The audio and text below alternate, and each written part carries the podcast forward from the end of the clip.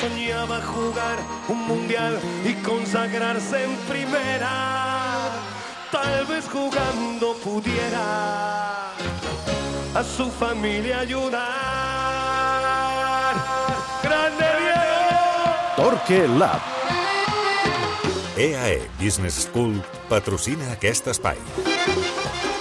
I un altre dels punts eh, que Xavi ha tractat en la roda de premsa de- d'avui, com ja ho havia fet a la prèvia del partit contra la Reial Societat, és la necessitat de substituir Sergio Busquets, és a dir, de fitxar un mitjcentre titular. Ricard Torquemada, bona tarda. Bona tarda. Bé, eh, es comprèn perfectament que Xavi insisteixi i jo gairebé diria que estigui obsessionat amb aquesta matèria perquè se li va un jugador capital i no té res ara mateix a l'abast, ni a la plantilla ni per baix que, que pugui fer el fet. Dit això, dissabte vam veure el que se suposa que és el, el seu preferit, Zubimendi. Sí, eh, la veritat és que és evident que necessita un jugador específic eh, d'aquesta posició, després de perdre Busquets. Probablement algú que sigui molt posicional, semblant al que és Sergio Busquets, encara que jo crec que el, el que ha fet aquesta temporada de Xavi dels quatre migcampistes, sobretot la posició d'arrel de De Jong, jo crec que li treu una mica de transcendència al, al perfil de cada fitxar. És a dir, en un migcamp de tres, per mi seria més eh, difícil de substituir Busquets, mm -hmm. perquè al mig centre diríem que eh, ha de dominar mm, molt més, mm, diríem que eh, al moment de les ajudes, eh, la relació de distàncies tant en pilota eh, com sense pilota, eh, ha de fer el triangle amb els interiors però també amb els centrals. O sigui, que necessites un mitjcentre molt més defensiu, per dir-ho així, per complementar-se amb De Jong. I, i, I ara sí, exacte. En, amb el nou vestit necessites un mig centre que probablement no hagi de dominar tant el joc posicional, tot i que sigui més àncora, perquè De Jong serà el que es despengi, però no tan rigorós, diríem, tàcticament, no? en la relació de les distàncies amb el primer toc, perquè ja tens un company. Eh? Diríem que la feina es reparteix en dos. Ha de ser intel·ligent tàcticament, però pot tenir altres, altres característiques. Pot ser més expansiu, eh, pot, eh, pot ser físicament, diríem, més, una miqueta més capaç perquè no ha de ser justament eh, el vèrtex del triangle, sinó que és com un quadrat i, per tant, diríem que a vegades pot fins i tot estar més lateralitzat. O sigui, eh, naixent de la idea que el més pròxim a Busquets seria una bona opció, crec que el ventall s'obre, no? I, I en el ventall obert, doncs el nom de Subimendi, a mi és un nom, per exemple, el de Subimendi, que a mi m'agrada. Jo entenc que Xavi el tingui entre les prioritats, eh, però no és tan posicional com Busquets. És un jugador que no té tant protagonisme en pilota, però és molt llest, és intel·ligent tàcticament, no perd eh, pilotes, té capacitat per triar bones opcions, per mm, no arriscar en zones on no es pot fer, molt intens amb, sense pilota, per exemple, l'acció del 0-2 de la Real, com salta contra De Jong quan veu que De Jong surt una mica eh, desestabilitzat del primer dribbling, eh, amb quina eh, diríem, amb quina facilitat li pren la pilota, amb quina, amb quina netedat, i després com organitza la transició i, i com fa l'última passada amb l'interior del peu esquerre. Un jugador molt ben dotat tècnicament, però molt intel·ligent tàcticament i que sap eh, i entén molt bé eh, aquesta posició. Ara bé, Subimendi, evidentment, estaria a la taula dels jugadors cars, perquè jo crec que aquí on hem de fer la divisió són els low cost mm. o en les primeres opcions. Mm. Mira, Ara que ja veig que eh, pel que ens has anunciat, eh, Torque, anirem pels perfils sí. low cost, deixa'ns abans que ens il·lusionem una mica i que sí. somiem en una cosa que serà eh, però, pràcticament impossible, però que també és cert que hem donat coses per molt impossibles i en aquest Ara, Barça ho hem vist de sí, tot. és que ja t'he sentit si ve, moltes vegades Si ve aquest, això. rua, Sònia. Eh, volíem saber, Kimmich, que Rua, rua. Eh, va treure el nou Mundo Deportivo ara fa Sí. sí. uns dies. Eh, clar, amb, amb aquest fitxatge sí que donaries un salt de qualitat en, en aquesta posició. Home, total. És que jo crec que Xavi està enamorat de Subimendi fins que ve les dificultats i passa un més bufó i diu, escolta, espera un moment, ja tornaré aquí. Eh, ens podem fixar en, ah, en ah, aquest però, que ha passat però de ara? veritat aquest el podem fitxar. Aquesta és la- l'escena, perquè vaja, eh, entre Zubimendi Bé, i, de, i Quimi. bé, com diu la Sònia, eh, eh, el tema de, jo crec que més que el tema dels traspassos és el tema dels salaris, no? Jo no hi entenc gaire, eh, el tema econòmic, jo us escolto a vosaltres amb aquest tema, però tinc la sensació que fa més por la, la, el tema salarial que no el tema de dir, bé, doncs escolta'm, quan val aquest, no? I fer una bogeria, perquè també pot ser que el Barça pugui prioritzar el mig centre eh, a, a altres posicions Això des és del el que dia que que ha s'ha vingut a dir, Xavi. Sí, sí. Ara No? mateix el, el primer reforç, després clar. d'inscriure els jugadors i fins i tot si, si, Per tant, si clar. podríem parlar de Messi, però més enllà d'això, el primer clar. reforç per davant del lateral dret o per davant d'un altre davanter és el del mig centre. Per tant, Xavi pot ser que li hagi dit a, a, a Mateu Alemany o a la porta i dir escolta, de quan estàvem parlant per reforçar la temporada que ve? De tant, doncs posi-m'ho tot al mig centre. Mm. Aquesta és una possibilitat. Mm. És evident que Kimmich no deu viure el seu millor moment des de la marxa de Nagelsmann i de com ha acabat la temporada pel Bayern, eh, però com si la pregunta, com deies, Sònia, eh, és si Kimmich, home, Kimmich, és que no et resol un tema, te'n resol dos, és que gairebé pots jugar de lateral dret i de mig centre i de I- lateral i en dret el mig mateix centre partit. al mateix partit, exacte, no?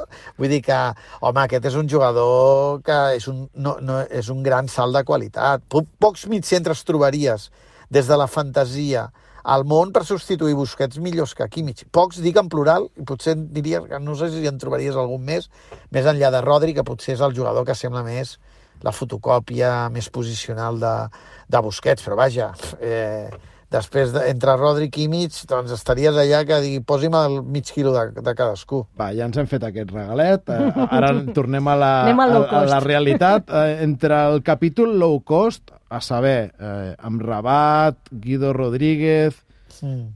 mm, sona insistentment el nom de Rubén Neves, mm, que no dic que no sigui mig centre, però que a mi em sona xinès mandarí. Mm, Quin t'agrada a tu? De mi, Rubén Neves, Neves em, em sembla, no sé si xinès mandarí o japonès, o, o sigui, em sembla una opció...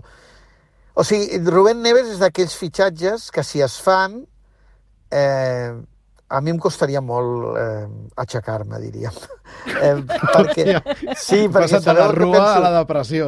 Sí, perquè sabeu què penso en les oportunitats de mercat, mm. i això més que una oportunitat de mercat, ho trobo fins i tot una compensació de mercat, Ah, o com li vulgueu Sí, dir. és una manera I de clar, dir-ho, sí. I clar, és un migcampista com n'hi ha molts. Jo no dic que Rubén Neves sigui mal jugador, però Rubén Neves no ha nascut per fer el que el Barça necessita. Rubén Neves és un mig centre que necessita desplegament, que va, té arribada, eh, que ocupa molt espai, eh, que necessita molts metres, que en espais reduïts és un jugador molt poc dotat.